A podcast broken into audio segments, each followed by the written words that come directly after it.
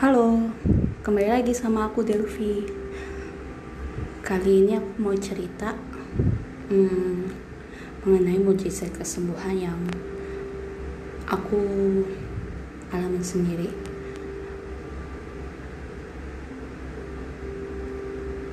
Setiap aku sakit, aku percaya itu Tuhan yang sembuhin. Tapi aku mau cerita beberapa kali yang bener-bener buat aku terheran-heran gitu. Gimana Tuhan sembuhin aku? Yang pertama itu terjadi waktu aku kelas sekitar kelas 3 SD waktu itu aku sakit. Aku di vonis dokter sakit malaria. Waktu itu memang sering sih enggak oh, sering juga sih uh, beberapa kali lah aku terkena malaria. Tapi biasanya cepat sembuh. Tapi kali ini itu sebulan sebulan lebih sekitaran begitu aku harus terbaring di rumah makan mentah minum mentah. Setiap hari orang tuaku bolak-balik bawa aku ke dokter buat obatin aku supaya aku cepat sembuh. Kalau kita pikir secara logika harusnya kalau ke dokter harus ada perubahan dong. Tapi ini semakin hari bukannya semakin baik tapi kondisiku semakin buruk. Aku benar-benar lemas banget. Jadi aku cuma bisa terbaring tempat tidur. Aku tidak bisa apa-apa. Sekolah pun aku tidak sekolah selama aku sakit sebulan sebulan lebih sekitar begitu. Uh, lalu begitu berjalan waktu hingga satu waktu satu titik uh, pagi itu mama dan papaku ajak aku ke dokter. Mereka bawa aku lagi ke dokter. Hmm, seperti biasa ke dokter dikasih obat jadi kita pulang. Akhirnya sore harinya itu mamaku ini seperti aku nggak tahu lah mungkin itu aku tahu itu pekerjaan roh kudus yang aku yakin cuma saat itu aku memang belum ngerti. Aku baru ngerti ini setelah aku dewasa. Setelah aku terima lagi kesembuhan dari Tuhan yang yang benar-benar buat aku emis kedua kali. Ini aku cerita yang pertama dulu. Mamaku seperti tergerak untuk mengecek air kencing warna air kencingku di pikiran mamaku mamaku takutnya aku sakit kuning kan. Ya udah dicek aku buang air kecil dan urinku dicek. Waktu itu kalau nggak salah menggunakan kapas mamaku shock. Bukannya warna kuning tapi warna hitam. Warna hitam seperti kecap. Lalu mamaku shock shock banget. Ya udah habis itu malam uh, mama aku coba cek lagi. Suruh aku pipis. Suruh aku buang air kecil. Dan lagi-lagi urinku warnanya hitam. Lalu malam itu tanpa pikir panjang lagi waktu itu kami tidak ada mobil jadi kami harus rental mobil sewa mobil setiap hari ke dokter karena aku tidak memungkinkan untuk dibawa naik motor. Lemes banget pokoknya waktu itu. Lalu ya udah mama waktu itu belum ada handphone juga. Akhirnya mamaku datang ke uh, bapak yang kami kami yang kami sewa mobilnya itu dan minta tolong beliau untuk telepon dokternya. Mungkin ini cara Tuhan ya tapi aku yakin sih ini pasti cara Tuhan. Uh, mamaku minta tolong untuk ditelepon. Waktu itu kebetulan bapak itu ada handphone minta tolong telepon dokternya dan beritahu hmm, kondisi aku. Waktu itu kebetulan aku dan adik aku. Adik aku juga kurang sehat. Terus dokternya tanya gimana keadaan adik aku? Adik aku baik. Lalu tanya keadaan aku hmm, dibilang urin aku warna hitam. Lalu malam itu juga dokter itu suruh segera ke rumah sakit. Saat itu juga tidak boleh ditunda ini yang ajaibnya waktu itu bapak yang sewa yang kami sewa mobilnya itu beliau itu sebenarnya baru pulang dari pesta pesta yang cukup jauh kayaknya kalau nggak salah. Dari dari tempat kami tinggal. Itulah nggak tahu cara Tuhan bekerja ya. Jadi waktu mamaku datang beliau sudah pulang. Dan waktu malam itu juga aku dibawa ke rumah sakit. Adikku dititipkan ke rumah nenekku. Aku dibawa rumah sakit malam itu juga dan infus aku ingat infusnya itu tidak sekali uh, maksudnya untuk suntiknya itu. Karena kayaknya itu agak sulit dicari apa ya nadinya ya. Ya pokoknya itulah aku kurang mengerti kondisi aku udah lemes banget. Dan ya udah aku dirawat. Dirawat.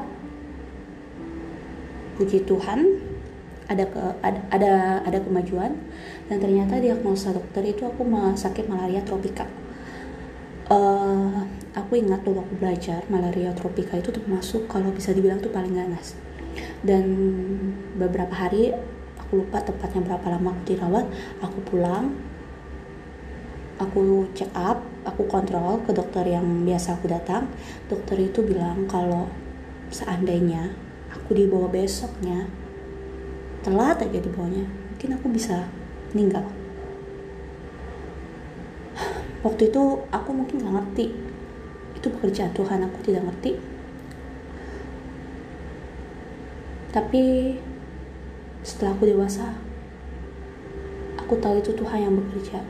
Aku percaya kalau pekerjaan Tuhan dalam kita belum selesai maka Tuhan pasti akan menolong kita nggak mungkin kita kita kita diambil maksudnya meninggal kalau pekerjaan Tuhan itu belum selesai.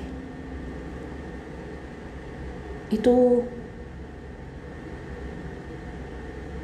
hmm, mujizat kesembuhan yang benar-benar aku rasain banget. Yang aku alami bukan rasain ya sorry. Lalu yang bikin aku emes adalah waktu aku keluar dari rumah sakit dalam masa pemulihan aku harus ada aku lupa pokoknya ujian dari sekolah lah dari pemerintah gitu. Dan aku tuh lupa semua hampir semua lah. Jadi kalau setiap pulangan biasanya aku kan ditanya mamaku tapi aku lupa jawabannya apa ini. Kemampuan mengingatku itu kayak berkurang banget. Mamaku udah pasrah bilang ke kepala sekolahku kalau kalau memang aku tidak naik kelas kan memang sudah tidak masuk lama dan waktu ujian pun ditanya nggak bisa jawab. Lupa gitu. Padahal aku sudah belajar karena menurut mamaku aku tuh termasuk cepat kalau mengingat dan nggak nggak susah buat kalau untuk belajar. Tapi itu mempengaruhi banget. Kata mamaku gini kalau memang gak naik kelas anak ini ya udah nggak apa-apa aku rela gitu aku pasrah karena memang keadaan kan.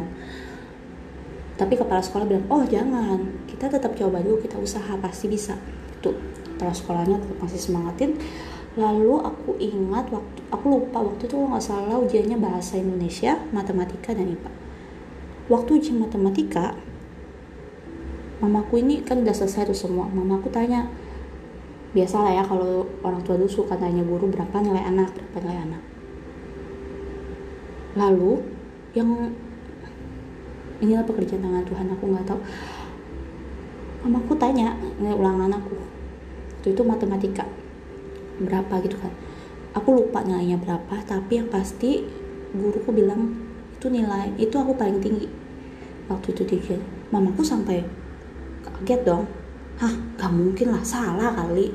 Kebetulan aku ada satu teman lagi yang namanya mirip sama aku. Yang ini kali bu, nggak mungkin lah orang ditanya apa-apa nggak tahu jawabannya. Bener bener kata gurunya gitu.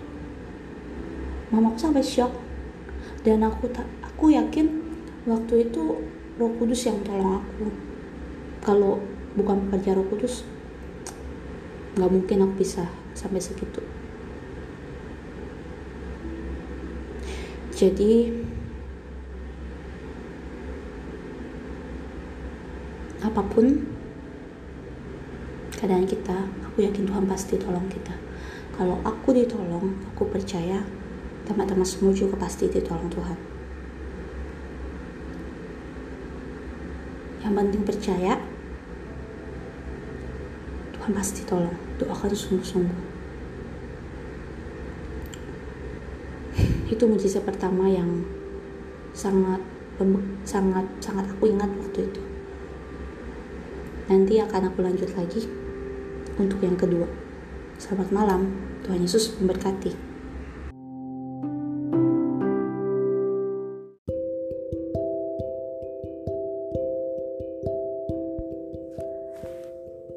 Halo, selamat malam. Balik lagi dengan aku Delvi. Hmm, apa kabar kalian? Aku harap kalian baik-baik saja. Oh ya, aku mau saya thank you dulu. Kalau ya untuk podcast kemarin, kalau ada teman-teman yang udah denger, aku mau bilang makasih Semoga itu bisa jadi kekuatan juga bagi teman-teman kalau mungkin pernah mengalami. Ingat aja Tuhan itu selalu nolong kita. Hari ini aku mau lanjutin uh, ceritaku yang kemarin. Jadi sebenarnya kenapa aku bikin podcast ini karena hmm,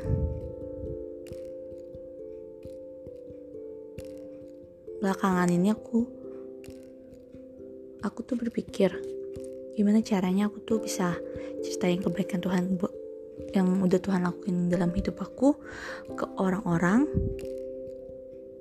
tapi nggak harus aku cerita dengan nunjukin wajah. Karena kalau misalnya aku cerita hal-hal begini misalnya face to face gitu aku rasa lebih lebih apa ya lebih susah untuk mengeluarkan kata-katanya begitu dibanding aku bercerita begini. Aku sendiri aku ceritain ya aku rasa lebih leluasa. Jadi hmm, kalau ada teman-teman yang mungkin juga memiliki hmm, keinginan yang sama pengen cerita sesuatu tapi mungkin malu kalau dilihatin orang atau bagaimana boleh dicoba untuk buat podcast ini juga ya. Oke aku mau lanjut cerita. Jadi kemarin aku cerita kalau pekerjaan Tuhan dalam kita itu belum selesai maka akan ada cara-cara Tuhan yang ajaib untuk menolong kita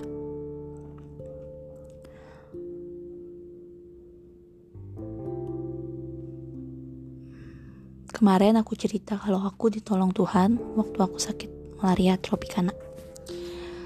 Dan hari ini aku mau cerita satu lagi waktu Tuhan sembuhin aku dari sakit hipertiroid. Kalau yang ini aku pernah cerita sekali di satu komunitas. Lalu kali ini aku mau cerita lagi. Jadi aku cerita dulu aku sakit itu waktu aku kemungkinan ya kemungkinan uh, sakit itu udah ada waktu aku kelas 3 SMP cuma karena uh, tidak sampai bagaimana gejalanya.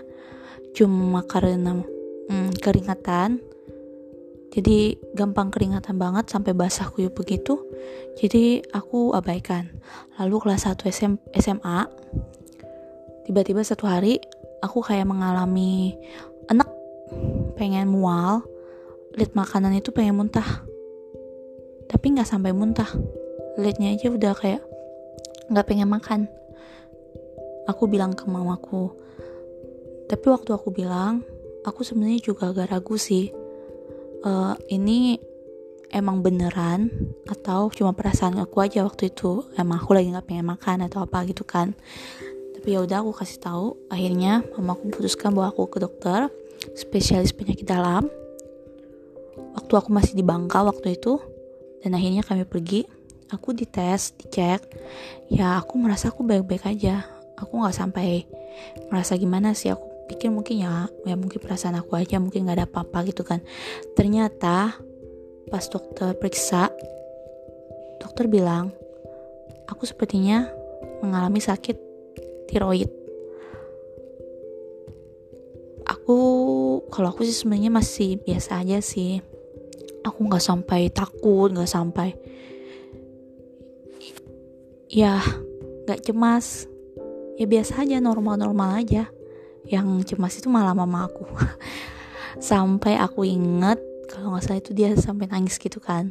Ya udah setelah itu kami disuruh untuk tes lab untuk hasil yang lebih pasti. Lalu kami pulang besoknya kami. Besoknya atau pas hari itu ya aku lupa. Pokoknya kami tes seperti yang diminta oleh dokter. Dan ternyata benar hasilnya itu ternyata aku sakit hipertiroid. Hmm, jadi sama dokter dibilang kalau aku harus minum obat terus dan kemungkinan itu bakal seumur hidup. Karena sakit ini tuh nggak bisa sembuh total seperti itu. Dokter bilang begitu. Ya udah aku diresepin obat aku pulang aku minum obat itu. Ya aku minum aja itu obat tiap hari. Aku lupa apakah aku ada balik ke dokter atau enggak waktu aksi di Bangka. Tapi aku itu males-malesan buat minum obat. Ya kalau setiap hari mau minum obat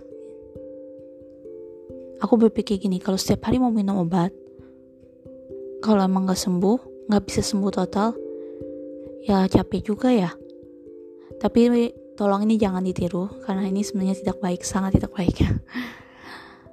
Waktu itu pemikiran aku yang masih remaja berpikir begitu kan. Ya aku pikir dengan cara logis aku lah. Jadi aku masih minum obat jarang-jarang. Hingga berjalan waktu aku lulus kuliah. Aku pindah ke Jakarta. Aku stop minum obat. Aku lupa berapa lama mungkin setahun ada. Setahun hingga tahun hmm, aku lupa tepatnya tahun 2014 kalau nggak salah. Ya 2000 2000 2014 kalau nggak salah.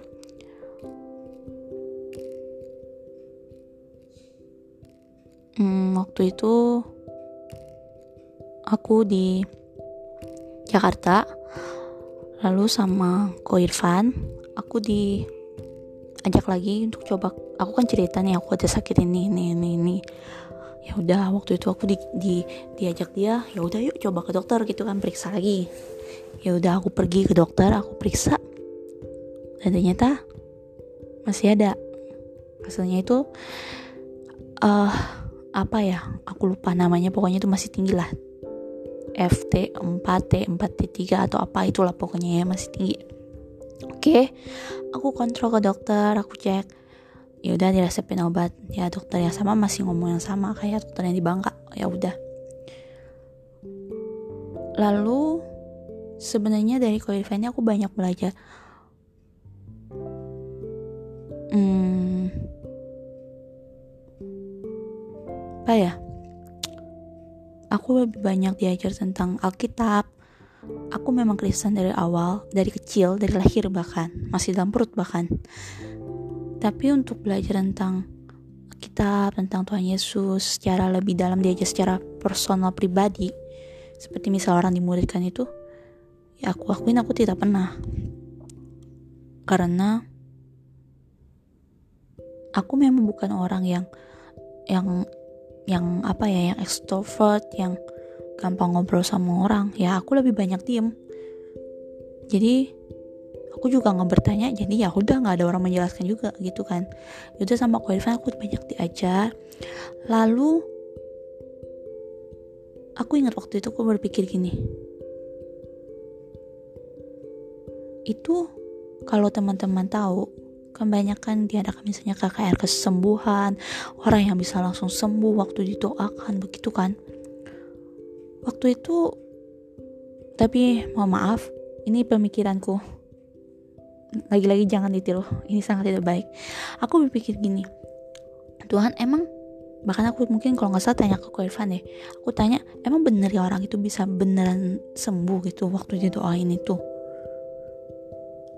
Bukan karena settingan kan? Aku sampai bertanya gitu kan. Emang benar aku juga kalau waktu itu aku doa aku juga bilang gitu emang benar ya Tuhannya lalu bodohnya aku. Menurut aku ini bodoh. Aku tanya aku bilang ke Tuhan gini Tuhan aku baru mau percaya itu benar-benar terjadi itu kalau aku ngalamin sendiri. Ya bukan berarti aku nggak percaya tuh kesembuhan itu dari Tuhan ya aku percaya. Tapi maksudnya yang langsung yang langsung ajaib saat itu juga gitu loh. Aku sampai bilang gitu. Hmm, ya udah jalan waktu lalu satu ketika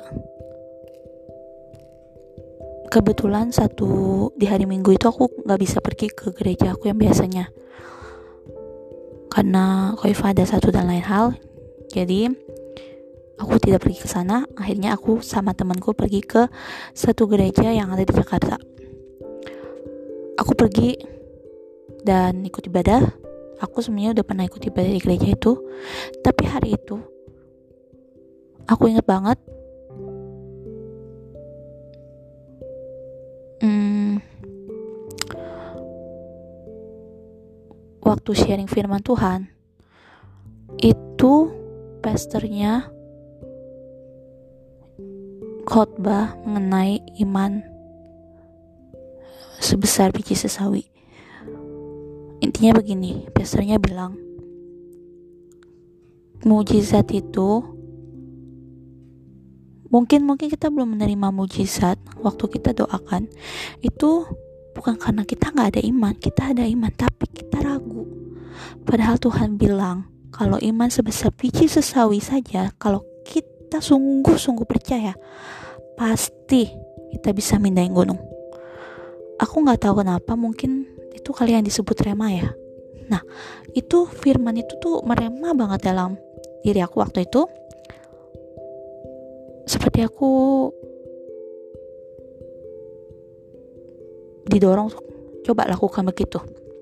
Ya udah pulang. Setelah ibadah itu aku setiap hari waktu aku lagi saat teduh itu aku doa aku doa aku aku aku aku doakan begitu.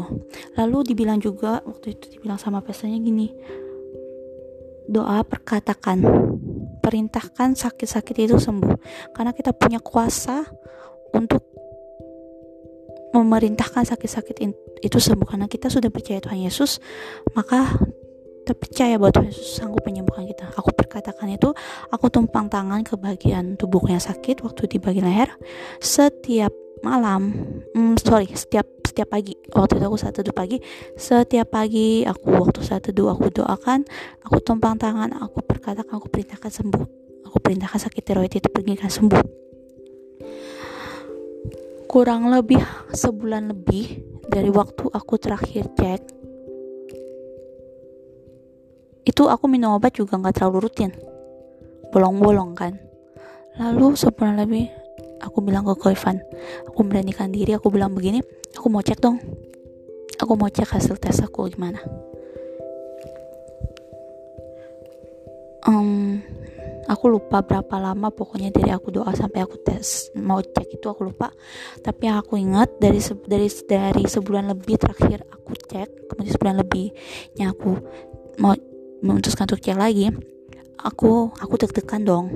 Aku pergi ke rumah sakit aku bilang aku mau tes aku deg-degan juga hasilnya gimana ya?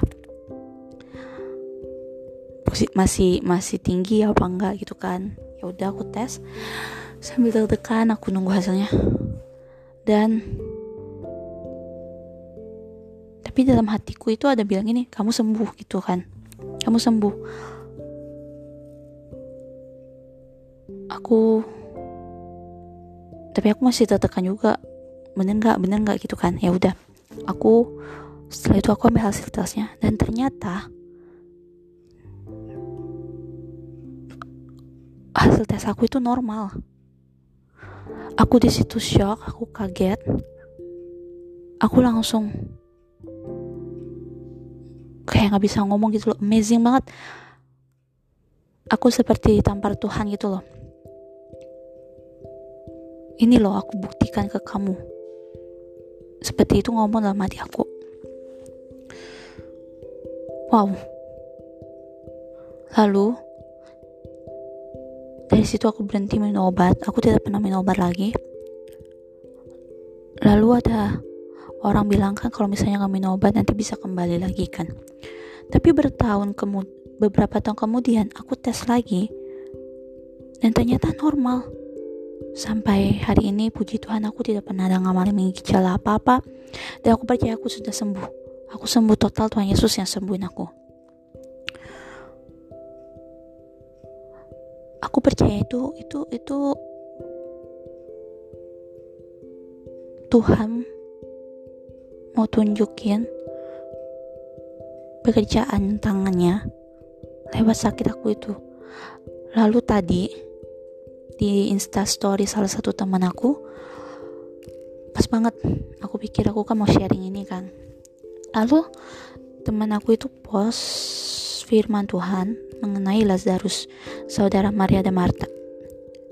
Waktu itu kan sakit, meninggal.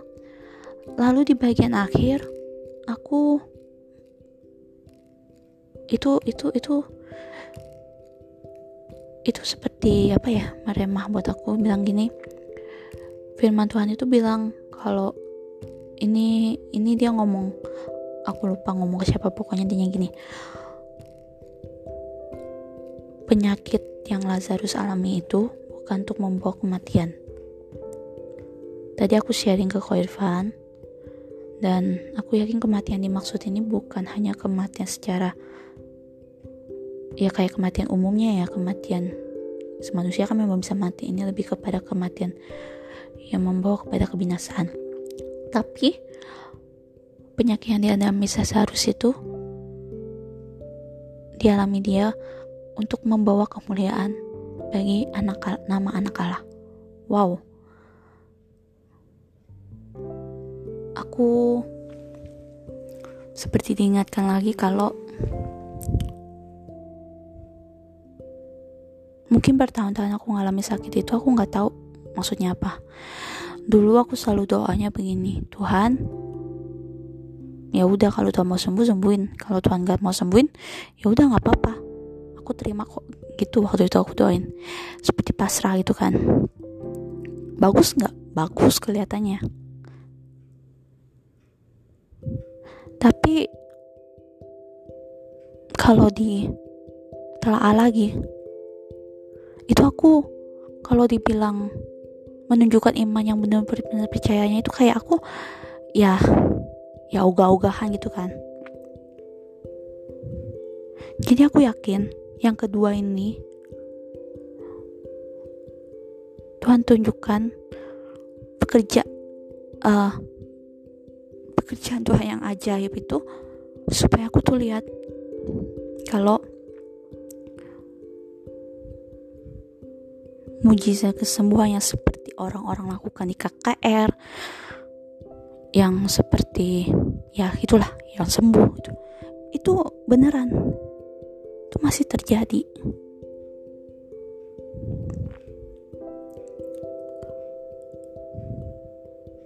Jadi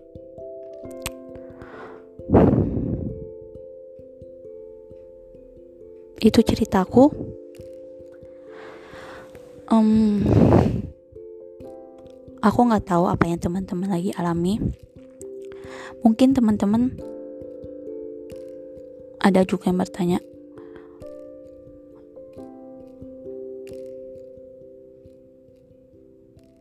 kalau sembuh penyakitnya hilang itu oke okay kan? Tapi misalnya kalau sampai meninggal malah meninggal gimana? Ya aku percaya itu juga Tuhan sembuhin tapi dalam bentuk yang lain. Tuhan lebih sayang. Itu kan? Lalu di di di apa? Ketika kedua kali Tuhan sembuhin aku ini di situ aku terdorong untuk doain orang-orang yang sakit juga.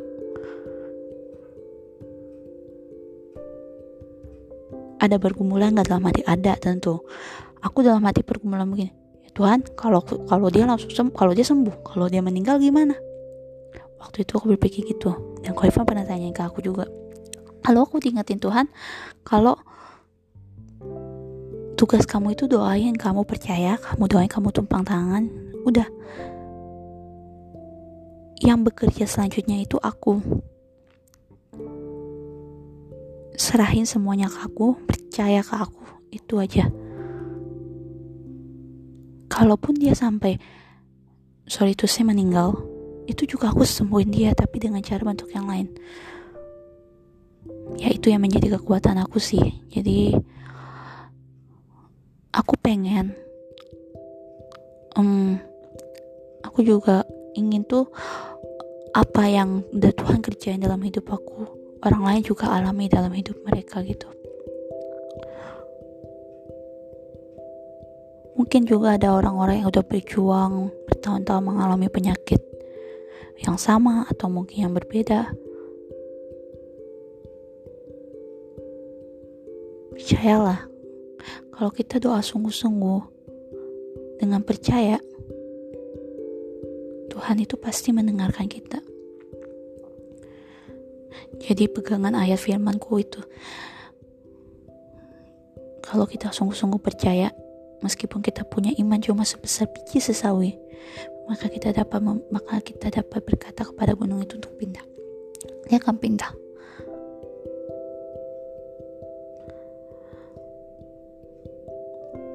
Kenapa dua hal ini yang aku bagikan dulu mengenai kesembuhan. Karena ya dua hal ini yang sudah pengen lama banget pengen aku cerita dari beberapa bulan yang lalu. Ya sebenarnya paling terdorong itu tahun-tahun kemarin. Tapi aku bingung aku mau cerita bagaimana. Lalu ketika dapat kesempatan untuk cerita di podcast ini, ya udah aku memberanikan diri untuk cerita. Jadi dari dua ceritaku, aku mau simpulkan begini pertama.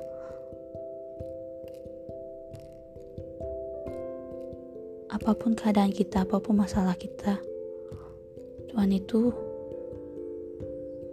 selalu ada untuk menolong kita. Kalau misalnya nih kita dalam keadaan sakit, yang parah sekalipun, atau mungkin ada keluarga kita juga yang sakit parah sekalipun, kalau pekerjaan Tuhan dalam kita di dunia ini belum selesai, maka akan ada cara-cara Tuhan yang ajaib untuk menyembuhkan kita. Yang kedua, kalau kita sakit, doakan, tumpang tangan, perintahkan perkatakan dengan iman yang sungguh-sungguh percaya bahwa kita sembuh. Jangan ragu tapi doakan tapi percaya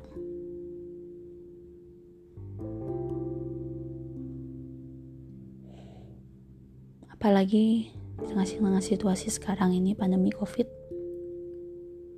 aku percaya satu hal kita menjaga, tapi kita juga harus minta tolong sama Tuhan untuk menjaga kita.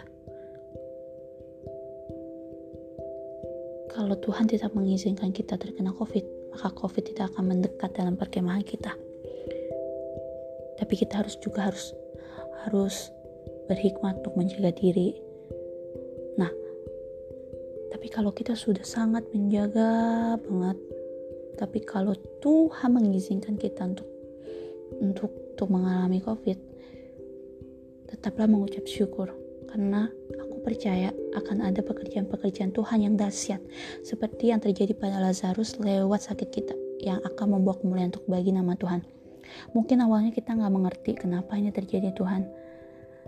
Dan mungkin ini bukan hanya untuk penyakit untuk sakit tapi untuk masalah-masalah lainnya kita nggak mengerti Tuhan kenapa ini terjadi tapi percaya satu hal setiap masalah apa pun, setiap sakit apa pun yang terjadi dalam hidup kita,